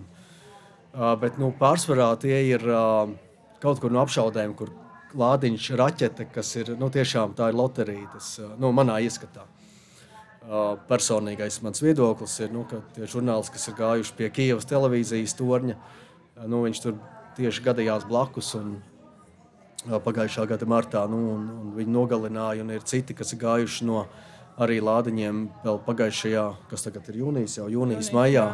Maijā bija pie Bahmutas Časivjaras apkaimē, kas ir 10 km no Bahmutas apmēram, gāja bojā franču AFP žurnālists. Viņam vienkārši nokrita Uh, nu, lādiņš blakus. Galvenais, ka viss, kas bija blakus viņam, tur tuvumā, visiem viss kārtīgā. Tieši viņam kaut kā nu, liktenī bija ierakstīts. Un, nu, tā gadās, un, un viņam jau arī bruņu vesti un tas viss, bet nu, tie, tās šķembas viņas ir. Nu, viņas nav lielas, bet viņas lido lielā ātrumā. Viņas ir super asas vienkārši, tā kā žilets. Un, un, un, un tā bruņa vesta viņa, nu, tev ir uz galvas, un viņa tev priekšā aizmugurē, bet nu, parasti sānos ir kaut kas, kur nav nu, kaklam var uzlikt. Arī tāda speciāla, bet pārsvarā. Bet jūs neliekat? Bet, nu, pārsvarā nav. Pārsvarā to neizmantoju. Tas ir papildus svars un tā, bet nu, arī. Nu, ir tās vietas, kur var trāpīt tās čemba un tāpat. Vai arī triecienu vilnis. Vienkārši brutāli. Un uh, pagājušajā gadā Lisičanskā bija um, pāris nedēļas pirms mēs braucām uz Lisičansku. Bija beļģu žurnālists, man tā šķiet. Viņš tur bija aizbraucis pat bruņotā mašīnā. Bija busiņš ar, tā kā, ar tām bruņu lietām. Nu, civilais busiņš, bet ar bruņām un bruņu stiklu priekšā, kas ir izturīgāks pret lodēm. Viņi jau braukuši ārā no Lisičanskas un arī atlidoja. Uzsprāga un viens vienīgs, viena vienīga šķēma tika cauri tam veistiklam, kurā viņš sēdēja un trāpīja kaklā viņam, un viņš nosiņoja uzreiz. Un, un viss. Un tās ir tās lietas, nu, mēs pēc pāris nedēļām braucām paši uz Līsčānsku, un arī tu brauc un tu tā kā, nu, biķi padomā par to. Nu, Lisi... bet tu neko nevari Līsčānska pie sev, Siverskī, pie Severodonetskas. Tas kur ir, jūs vedāt ārā arī tos? Jā, jā kur tur? mēs brīvprātīgajiem braucām. Um, un, un, un, un, un, un, un tu tā kā taisies to līdz čānsku, bet zini, ka tikko tas tur ir noticis. Bet, nu, bet nu, tu neko nevari padarīt. Nu, ko, ko tu padarīsi? Un tiem brīvprātīgajiem, jā, viņiem pēc tam no Latvijas Arnes, Agnes Bisters aizsūtīja bruņu busiņu, lai viņi varētu strādāt. Viņi ar vienkārši braukājumu viņiem aizsūtīja tos uh, Agnes Bisters, viņš taisa tos inkasātoru. Uh, jā, un, ko vairs nelieto, nopērk to busiņu, izņem seifu sārā un sūta uz Ukrajinu. Un, un viņš aizsūtīja tiem brīvprātīgajiem. Uh, Viņi jau bija dabūjuši pāris ložu caurumus durvīs, ko bija apturējuši. Un tā, un tas ir vienkārši pieņemt to loteriju savā ziņā, ka tie lādiņi nu, kaut kur var nokrist. Tu jau nezini, tas ir nu, tas pats graciņš. Tur jau viņš kaut kur izšauja, un tu pļak, pļak, un viņš nokrīt. Uh, mani vairāk nošokēja um, aprīļa beigās pie Helsinas tās pašas kad nogalināja vienu, nogalināja otru, ievainoja snaiperu. Snaipers. Sanāk, bija tieši tā, tas bija tieši jau mērķēts. Un tas jau lūk, tas mani nošokēja. Jā. Tas, ka lādiņi viņi mēdz. Nu, tu nekad nevari tu, zināt. Tu nevari zināt, tā, ka nu, var jau būt, ka uz tevi arī mērķē, bet, nu, bet, bet lūk, tas bija gadījums, kad. Nu, Um, jo nu, tur bija ukrāņu žurnālists un itāļu žurnālists. Viņi bija atbraukuši uz Helsonu. Uh, netālu no Helsinas ir Antonievkas tilts. Antonievkas laikam viņš saucās. Viņš tur netālu ir, viņš ir saspridzināts. Un, tā kā krievi atkāpās, tad tur Ukrāņi pa viņu šāva, krievi pa viņu šāva. Viņš tur principā ir sabrucis. Un žurnālisti mēs tur aizbraukt, lai nofotografētu vai nofilmētu. Nu, jau bilde. Un, um, un es saprotu, viņi gribēja aizbraukt, nofotografēt to tiltu vai ko. Un abi tur izkāpa. Viņiem bija visas preses, nu, visas ķiveres un tā ar presēm, kā es saprotu. Un citādi žurnālists, kurš izdzīvo, viņš saka, ka viņš vienkārši dzird vienā brīdī, un ukrāņu žurnālists viņš nokrīt vienkārši. Un tad otrs viņu kaut kur plecā ievainoja, viņš kaut kā aizrāpoja līdz ceļam kaut kur un tika, un viņa aizveda slimnīcu. Un, lūk, tas, tas jau bija, nu, tas bija mērķēts, tēmēts pret, konkrēti pret žurnālistu. Un tas jau nu, tas, tas nošokēja. Tas nošokēja. Tāpēc mēs skatāmies arī vienmēr. Nu, tie attālumi līdz frontei. Nu, cik ir tālu, nu, cik tālu var aizšaut sniperis un vai tur, teiksim, no, sniperis var tā normāli trāpīt nu, teiksim, no tā pāri ņeprai tajā vietā ir nu, kilometri, uh, kaut kāds kilometrs. Un tas ir nu, tas attālums, kurā snipers var arī normāli trāpīt. Tas ir nu, ņepra, tur tā Helsinas apgabala situācija. Vienā pusē Ukraiņa kontrolē atbrīvot, otrā ir Krievijas karavīri. Un to tu ņem vērā. Un mēs bijām Helsonā pagājušajā gadā. Mēs šogad, februārī, biju aizbraucis. Nu, mēs tā īpaši nelīdām lejā pie upes. Jo nu, tas ir. Un tā kā mēs braucām pagājušā vasarā uz uh, Zaporīžas atomelektrostaciju filmēt, kas ir Krievijas okupētajā teritorijā, bet otrā pusē ir Nikopola. Un tur no Nikopolas var ļoti labi redzēt neapbruņotu acu atomelektrostaciju. Mēs aizbraucām, tur nofilmējām smuki to atomelektrostaciju un visu. Un, Un tas arī pirmais, ko es skatījos, kad radās tā ideja, cik tālu ir no tā viena upes krasta līdz tai autoelektrostacijai. Tieši sniperi. Tur ir desmit km. Un, nu, tur par sniperiem nav jāuztraucās tikai artērija un līdzīgi. Un, nu, līdz ar to un tā, tā ir tā. Nu, tas jau ir tāda indikācija, kas nav laba pavisam. Varbūt reizēm tad varbūt nav jāliek tas preses uzraksts, lai jūs tik labi tas, neredzētu, vai tas ne, nepasargās. Es, es domāju, tur nav starpības tajā ziņā. Mēs preses uzrakstu vienmēr liekam. Um, un, uh, es domāju, šajā gadījumā, ja šāva, es domāju, viņš šautu tāpatās. No, ja tas būtu Ukraiņas armijas karavīrs, viņi pa viņu šautu. Un, un tā presa jau domātu vairāk, nu, ka, tā, ka pa tevi tomēr varbūt nevajadzētu šaut. Bet nu, šis bija tas gadījums, kad šāva. Un es domāju, ka tur sajauca, ka, ka, ir, nu, ka tie ir Ukraiņas karavīri vai kaut kas tāds. Nu, tā. Tas nav forši. Tas bija speciāli Teiksim domāts. Tā.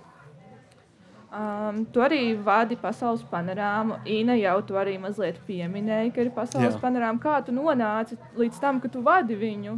Jo es zinu, ka pasaules panorāmā ir bijuši ļoti dažādi radītāji. Toms Pastors, Ina arī vada jau, man liekas, jau pietiekoši gadus. Un tagad arī tu to vadi. Kā nonāca? Šķiet, ka pasaules panorāmu pirms dažiem gadiem tā ideja bija Imantam Frederikam Ozolam, kas reiz strādāja Latvijas televīzijā. Jā, viņš sāka. Nu, Nu, viņš bija principā... lasīja, ka 17. gada pasaules laikam, jā, laikam. Un, un, un, un, un tad viņš strādāja Latvijas televīzijā, un tad viņu Ina vadīja ar Tomu pastoru uz maiņu. Nu, parasti mēs vienu nedēļu vadām viens otru, otrs. Bet uh, Toms tagad viņš, uh, mums ir pārvācies, viņš strādā EBU uh, sistēmā, ne Latvijā vairs. Viņš aizgāja uz turieni, un viņš tā, sākumā bija domāts, ka viņš aizies kādu laiku, bet beigās viņš palika tur strādāt ilgāku laiku. Un, kad viņš aizdevās, nu, tad es pārņēmu to uh, Toma. Uh, Toma vietu. un, un, un tā mēs arī nu, arī viņu vadām. Parasti jā, tas doma ir, ka mēs pasaules panorāmā vadām pamīšus. Bet kopš sākās uh, Krievijas iebrukums Ukrajinā, pilnapmēra nu, tur nekas vairs nav kā parasti. Un, un iet ņigu ņēgu ar, ar to visu vadīšanu. Un, un arī šonadēļ mums uh, mēdz būt Kodita Krenberga novada pasaules panorāma, ja mēs nevaram. Uh, Šonadēļ novadīja mums lielskais kolēģis Girds Zvirbulis, jo Odita arī nevarēja. Es jau tieši sākoties pasaules panorāmai iebraucu televīzijā Rīgā, un, un Nina jau brauca uz Ukrajinu tajā brīdī. Un, un tā. un tā mēs viņu vadām jā, katru nedēļu. Un, uh, kolēģi iesaistās arī gatavot sižetus un, un reportāžus. Mēs paši gatavojam, un uh, kolēģi gatavo. Un, mēdzam viesus uzaicināt. Un, nu, tur mēs, protams, ļoti ieliekamies. Mums ir kartes un grafikas. Un mēģināt tos stāstus mazliet dziļākus taisīt, vienlaikus arī nu, mēģinot sabalansēt gan to kaut kādu tādu ilgtermiņa, garāku, varbūt kaut ko vairāk pāanalizēt, un, bet vienlaikus arī kaut ko par aktualitātēm pastāstīt, kas tajā dienā notiek. Un, Uh, nu, kas mēdz būt izaicinoši, bet uh, nu, tāds ir darbs, un mēs viņu darām. Un, Un visi forši. Paldies skatītājiem, kas eh, skatās. Nav grūti reizēm izdomāt, par ko stāstīt, jo pasaulē jau daudz notikumu. Ir. Jā, parasti nu, dažreiz mēs padomājam, jā, dažreiz vairāk jāpadomā, dažreiz ir skaidrs, dažreiz atkarīgs ir arī no. Teiksim, tu izdomā kaut kādu tēmu, bet viens ir izdomāt to tēmu un par viņu uzrakstīt. Otrs ir, nu, tas viss ir jāuztaisa arī video formātā. Un, uh, dažreiz tā video īpaši tai konkrētajai tēmai nav no, tad, eh, tad dažreiz nākas kaut kā to visu nedaudz pamainīt vai tam līdzīgi, lai to izdarītu. Bet, nu, protams, tās, parasti tās ir tekošas lietas, tekošas aktualitātes tajā laikā un brīdī, par ko mēs stāstam un par ko mēs veidojam šos sižetus. Jo pasaulē jau daudz notikumu, par kuriem. Jā, un man šeit pasaules panorāmā arī forši ir tas, ka var Liksim, tā var teikt, tekošajā panorāmā, kas mums katru dienu, astoņos vakarā, ir.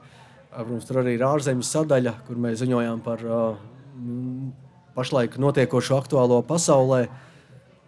Taču ziņās, protams, darbojas arī savu veidu geogrāfiskais princips, kas mums ir tuvāk, tas ir aktuālāk. Un, un dažreiz varbūt kaut kādas tālākas valstis, tālākas zemes un kontinenti nevienmēr iekļaujas šajā formātā. Un tad, Savukārt pasaules panorāmā mēs varam pievērsties arī plašākam geogrāfiskam arī aptvērumam un tematiskajam apvēru, ap, aptvērumam, kas varbūt uh, panorāmas ziņās gluži neiekļaujas ikdienas pasaules panorāmā. Jā, mākslīgais jā. intelekts, es zinu, ka jums arī tagad ir parādījies arī vienā. Jā, tomēr... bija, bija tāds sižets, laikam, jā, jā, es biju Ukrainā, laikam. Tad, uh, jā, tad... Uh, bet, uh, bet jā, jā, mākslīgais intelekts, protams, un, un tādas tēmas, ko mēs varam varbūt vairāk arī izvērst. Kaut ko par Āfriku, pastāstīt kaut kur par mākslīgo intelektu, par, uh, par aviāciju, par, par karu kaut kur vairāk iet kaut kādos kara lietās. Ekspertu vēl parunāties jā, vēl konkrētāk. Mēs, lai... Jā, mēs labprāt uzaicinām arī ekspertu studijām, ja ir kāda tāda tēma, ko, kur eksperts ir nepieciešams vai, vai amatpersonas arī. Uh, Un, um, un, jā, un tas, tas, tas, protams, tas zinām, kā kurš raidījums tas ir. Nu, dažreiz ir sižeti, dažreiz ir arī eksperti klāt, un dažreiz ir uh, ar visām kartēm un grafikām. Un, un, un tādā veidā, un arī panorāmā, uh, uh ikdienas panorāmā mēs mēdzam uzaicināt uh, analītiķus un ekspertus, kas pie kartēm mēs parunājam par, nu, par, par situāciju Ukrajinā, par frontēm, kas kur virzās un kas kur varētu kā virzīties. Un, um, Jo nu, televīzijā, protams, svarīgs ir eh, primāri ir saturs, ir tas uh, saturs, kas tiek pastāstīts, bet uh, televīzijā, protams, arī svarīgs ir tas ietvars tam saturam, kā viņš ir teikt, ie, iepakots uh, vizuāli, uh, gan ar video, gan ar grafikām, gan ar uh, attēliem un kartēm un tādām lietām, kas ir uh, ļoti svarīgi. Un rāčiņā atkal, es desmit gadus strādāju rā, radio, tur atkal, nu, tur ir tā skaņa. Uh, kur ir ļoti svarīga, kur tu veido sižetu un piedomā par skaņu, un kā tur kaut kas izvijās cauri, un, un kas tur skan vai neskan fonos. Un, bet mēs televīzijā arī to pašu par skaņām, arī uz tā bilde, bet personīgi es vismaz par skaņām arī piedomāju, lai ir, ir tā skaņa kaut kur parādās un izvijās cauri, kas arī organiski iegulstas tajā visā sižetā. Tas viss ir liels darbs. Mākslas darbs arī varētu teikt, lai bilde, lai skaņa, lai viss būtu. Jā, kaut kā tā, tā man šķiet dažkārt, jā, dažreiz. Dažreiz kaut kā tā, tu tam arī pieeji. Veido to sižetu, veido sižetu reportāžu par karu, bet tu viņam pieeji arī. Nu, tu ļoti piedomā, nu, lai tas nav tā, ka tur klak, klak, klak, bildes saliec, kaut kāds teksts pa virsmu un aiziet. Um, tas būtu baudāmi. Aizpūst, jā, bet nu, kaut kā tu pasēdi, padomā, tur, un tad tu pēc tam vēl pasēdi, padomā. un tad tev, oh, šitā varētu un tā, un to iziet, un kā tur dažādas, nu, teiksim, tur, dažādas cilvēkus intervējis dažādās vietās, dažādiem cilvēkiem runājis, un kā to visu nu, salikt kopā vienā organiskā plūdumā, tā kā, lai tas smuki izskatās, un ir tas stāsts ir saturīgs arī pats par sevi. Un dažreiz tas ir uh, izaicinoši, dažreiz tā ir. Un tu brauc ar mašīnu, domā, kā tur varētu kaut kā. Darbs ir izaicinošs, komandējumi arī ir izaicinoši. Gribu tev teikt, lielu, lielu paldies tev, Gini. Tu gribēji vēl kaut ko teikt? Nē, paldies, paldies. tu kaut ko vēl gribēji izstāstīt. Es aizmirsu. Ko es vēl gribēju? Tu kaut ko gribēji? Nē, par komandu. Tas, kā Ina teica, ka dažkārt šeit Latvijā esot, tā kā vairāk par to visu uztraucies un domā, un kaut kā Ukrainā pat mēs būtu It kā viņš ir, protams, varbūt fiziski nogurdinoši, tie garie pārbraucieni. Ukraina ir milzīga. Tur, nezinu, no polijas robežas līdz no jātiek pāri robežai, kur tās milzīgās rindas, drausmīgās mēdz būt. Bet, nu, teiksim, no polijas robežas līdz Kijavai ir kaut kādas 7, 8 stundas tīra braukšana. Tad no Kijavas līdz Donbasam, Kramatorskai ir tās pašas vēl 7, kaut kādas 7 stundas arī tīrā braukšana un tie tiek arī pārbraucieni. Bet uh, tur kaut kā, nu, tu esi tur uz vietas un strādā. Tev nav un, laika kaut kā, kaut kā foršā, jā, un, un it īpaši pagājušajā gadā pavasarī, kad es, nu, mēs tur strādājām arī tajā pašā tukšajā Kijevā, kad Krievija bija gandrīz jau tur aplenkusi, vēl mēģināja. Es, es biju, man, man patīk nu, būt tur un strādāt tur un ziņot par tur esošo. Es zinu, ka, ka Rīgā savukārt kolēģiem bija nu, stress. stress viņa tur, bet arī nu, tās ikdienas viņam jāgatavo ziņas, viņam jāiet cauri visai tā informācijas plūsmai, tur jāsijā un jā, jāmontē un jāstrādā no rīta līdz vakaram. Un, nu, mēs tur braucam, un tur nu, nevar smaidīt par to, bet tas ir briesmīgs karš. Bet nu, mēs tā kā braucam un redzam, un tur skraidām kaut kur apkārt. Un, un tas, tā, protams, cita, cita rakstura Tā darbošanās. dzīve Tur-. Jā, jā, un tur, tur, protams, es vairāk ar rokām tajā iekšā. Un, Jo un, esot- jā, līdz ar to tas, tas jā. Jo esot šeit mājās, jau tu domā, piemēram, nu, kā jums tur iet, kas jums tur notiek. Tāpat Jā. kā Inna teica, ka nu, viņai ir bailīgāk, tā, ka tu esi tur, nekā ka viņa pati tur ir. Nu. Jā, jā, jā. Jo var jau visu kaut ko izdomāt, kur jūs esat Jā, jā, jā. aizdevušies. Jā, tā ir. Bet nu, mēs arī, kas ir viens no drošības tā kā, arī pamatpunktiem, ko mēs darām, mums ir. ā, Nu, mēs vienmēr esam Ukrajinā, ziņojam Rīgai. Nu, ne visai ziņu dienestam, bet nu, teiksim, ziņu dienestu vadītāji arī Inai. Mēs esam ciešā sasaistē. Ā, Vienkārši nu, mēs uzrakstām kaut kādā čatā, ka nu, mēs iebraucām Ukrajinā. Tagad mēs iebraucām Kijavā. Tagad rīt no rīta mēs brauksim uz Kramatorsku. Būsim tur, pateiksim, kur mēs paliekam. Un tad mēs aizbraucam, mēs esam šeit uz vietas, paliekam tur un tur. Nu, un rītdienas plāni pagaidām nav skaidri. Viss tur karājas gaisā, bet nu, es no rīta ziņošu. Un tad no rīta, ja tur kaut kas, nu, ka braucam uz fronti, nu, tad es uzrakstu arī, piemēram, nu, tagad mēs izbrauksim uz fronti tajā un tajā virzienā. Tur apmēram tur stunda jābrauc vai kas. Pie frontes sakaru droši vien nebūs. Nu, mēs Labāk vairākas stundas nerakstīt. būsim ārpus visādiem sakariem. Mums vajadzētu būt atpakaļ droši vien apmēram tad un tad. Nu, ja kaut kas, kaut kas tur ir ne tā, nu, tad lūk, ir šis ir kontakts kaut kādam cilvēkam, nu, kurš varētu būt lietas kursā par to, kas tur notiek, ja mēs nu, pazūdam un neizejam uz sakariem pēkšņi. Un tās ir tās lietas, ko mēs ikdienā tur esot arī darām. Mēs komunicējam ar Rīgu.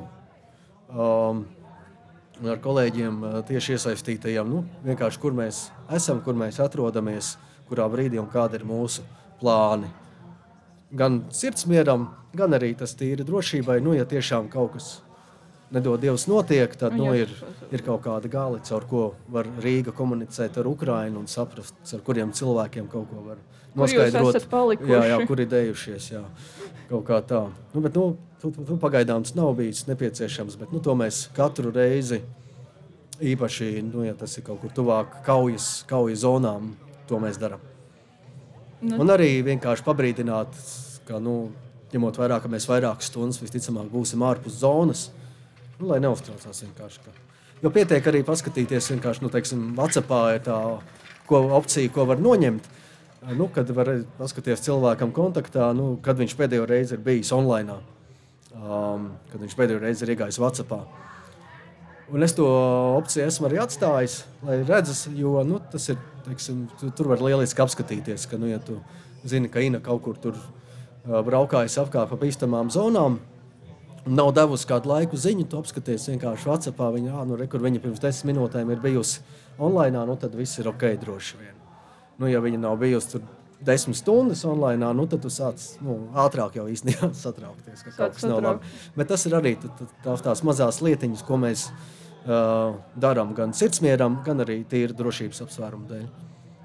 Cerēsim, ka tev būtu droši, vēlēsim tev drošs komandējums. Un liels, liels paldies, Gint, ka pievienojies šodien sarunai. Paldies tev, paldies tev un paldies, ka sarīkojāt šo te, eh, diskusiju, šo iespēju. Paldies par uzaicinājumu. Paldies arī klausītājiem un skatītājiem. Ā, Varbūt kaut uzklausījāt. klausītājiem ir kāds jautājums Gintam Amoliņam. Droši varat uzdot. Mums ir mikrofons. Herbert, mēs iedosim, ir kāds gribētājs, tūlīt, iedot, tūlīt iedosim mikrofonu, tūlīt, tūlīt. Ziniet, es gribu pajautāt tādu lietu. Mm, tagad visi runā par Ukrajinu, par to, bet man ir. Vai jums ir arī kādi pierādījumi, ka pretējā pusē ir cilvēki, kuri ir cilvēki? Vai viss tur ir bezcerīgi un tur ir tikai kaut kādi mistiski uzstādījumi, kurus, kuriem viņi seko, un, un nav nekāda pretestība tam, ko viņi ir daudzi varbūt spiesti darīt?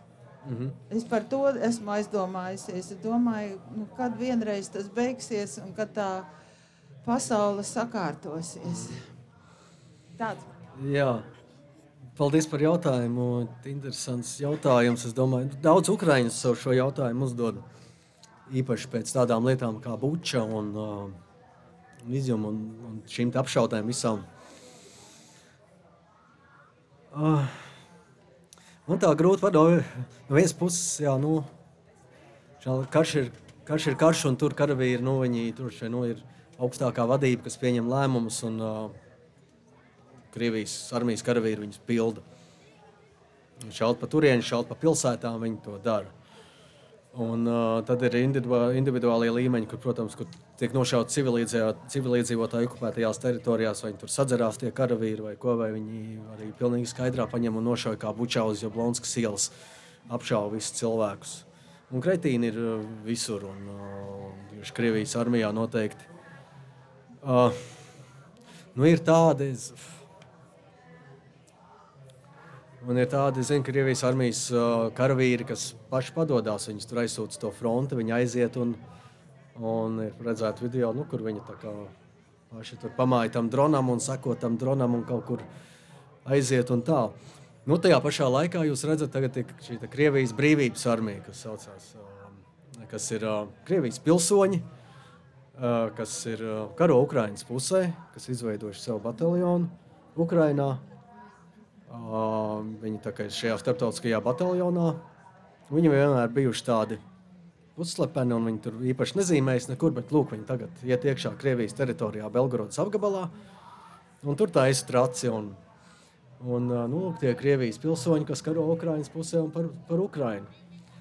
Um, tā kā es domāju, ir, ir dažādi cilvēki arī tajā pusē, Bet, protams, lielākā daļa tas ir ienaidnieks, tā ir armija, kas iznīcina uh, civilo infrastruktūru, civiliedzīvotājus. Un, uh, un tiešām šķiet, ka Krievijā liela daļa sabiedrības to arī atbalsta. Un, protams, tas var būt liels un garš diskusiju temats uh, par to, um, nu, cik, tad, cik tad ir liels atbalsts Krievijas sabiedrībā Eh, cik ir pret to karu tiešām un cik ir par to karu. Bet nu, šķiet, ka lielākā daļa ir, ir uz tā propagandas viļņa, ka viņi atbalsta diemžēl šo Krievijas karu Ukrajinā. Laiks rādīs.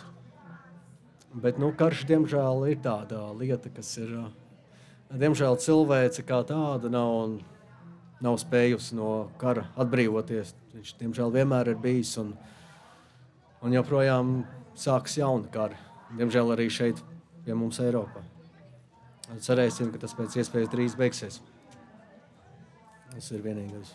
Jā, paldies. Jā, es tikai vēlējos piebilst, jā, paldies mūsu Latvijas televīzijas skatītājiem un tagad klausītājiem arī un, un šeit uz vietas lampā. Paldies, ka atnācāt paklausīties. Bija prieks, ka saslēdzāmies ar Rīnu. Un, un, es domāju, arī latviešu tautai var novēlēt, ka, lai neaizmirst par Ukrajinu, lai um, Jo nu, tas karš ir vairāk nekā pusotru gadu, un ir skaidrs, ka jā, teiksim, bija šie ziemas mēneši kopš pagājušā gada, kad, nu, kad lietas frontē mainījās maz, kad joprojām katru dienu aktīva kara darbība, joprojām katru dienu simtiem cilvēku mira frontē. Bet, Bet, nu, nav tās virzības kaut kur, vai nav kaut kāda strauja pavērsiena, tad dažkārt uzmanība pazūd no šiem notikumiem. Un, uh, es vēl, nu, vēlos novēlēt Latvijas tautai, ka, nu, ka uztur uh, savā sirdīs un prātos Ukrainu un arī mēģina atbalstīt vai nu, caur nu, organizācijas, kas vairākas, kas, kas sūta palīdzību patiešo arī Ukraiņas karavīriem frontē, tās pašas mašīnas un džipi un dažādas citas lietas. Un, un turpināt atbalstīt kaut vai tādā veidā, kaut vai finansiāli, izvēlēties savu organizāciju, arī ikmēneša maksājums 5 eiro vai tā.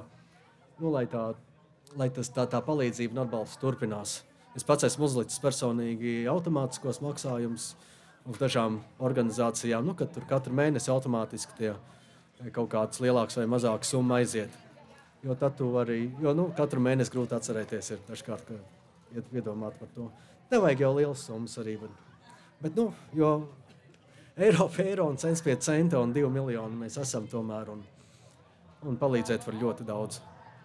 Tā kā lietuvieši viņi turpat pretgaisa sistēmas, mazliet savāds, saziedoja, ka var nopirkt.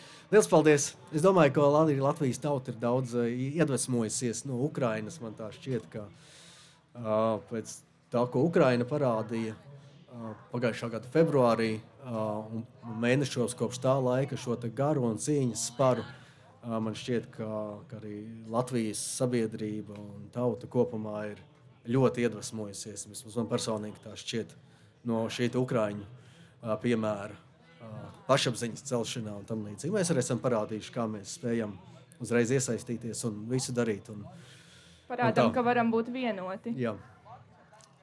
Paldies par to! Paldies! Atbalstīsim Ukraiņu, atcerēsimies, būsim vienoti. Šodien sarunā bija ar mani. Mani sauc Katrīna Liemsara, esmu pirmā kursa žurnāli, žurnālistikas studente, un man pievienojās Latvijas televīzijas ārzemju ziņu redaktors un žurnālists Gins Amaliņš. Lielas paldies klausītājiem! Paldies! Paldies, Karina! Paldies! paldies.